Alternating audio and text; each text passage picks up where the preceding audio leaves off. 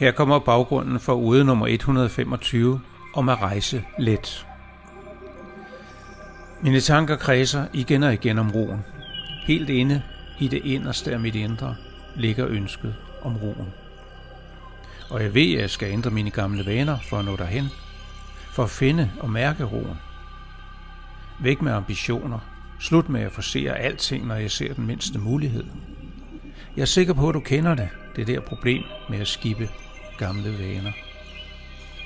Men ved, at det er en rejse. Det er ikke noget, man bare lige gør. Fortvivl ikke over det. Accepter, at ting tager tid. At de gerne må tage tid. Måske oven i købet. Altid. Her kommer ude nummer 125 om at rejse let. Jeg havde fulgt den stejle bjergvej i næsten to dage. Den foregående dags morgen havde jeg stået ved krydset ned i dalen, havde valget mellem den lette vej langs floden eller den hårde vej op ad bjerget.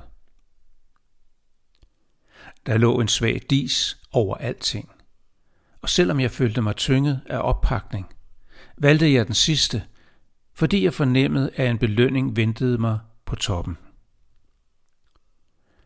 Og nu står jeg så på den smalle bjergvej. Toppen af bjerget er ret forud.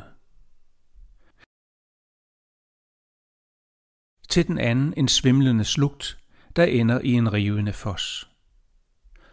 Og foran mig dukker et trådhegn og en rusten port frem af disen. Der mangler et lille skur og en vagt, tænker jeg. Sådan et hegn og en port kommer aldrig uden en vagt.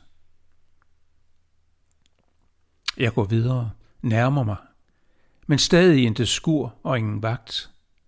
Kun et hegn og en lukket port. Jeg kan ikke gøre andet end at gå lidt frem og tilbage foran hegnet, så det gør jeg. Rusker i porten. Den rasler lidt, men rører sig ellers ikke ud af stedet. Jeg står og overvejer mine muligheder – tænker, at jeg måske skulle have taget vejen langs floden. Jeg værer mig ved at vende om, gå tilbage. Erkender til sidst, at der kun er et muligt valg. Jeg tager min rygsæk af, åbner den, Gå hen til kanten af den svimlende slugt, holder rygsækken ud over kanten, vender den på hovedet. Og lad indholdet virvle nedad og væk. Vigtige ejendele blandet med ligegyldige souvenirs, nogle tørre kiks og en del gamle vaner. Så vender jeg mig om mod porten, holder rygsækken i vejret, ryster den for at vise, at den er tom, men intet sker. Jeg står stille lidt, slynger så rygsækken samme vej som indholdet, ned i slugten jeg rækker begge mine tomme hænder i vejret i trodsig overgivelse. Porten knirker rustent og glider langsomt op. Jeg kigger på den, ser mig omkring og går igennem. Går videre frem, lettet for både det ene og det andet.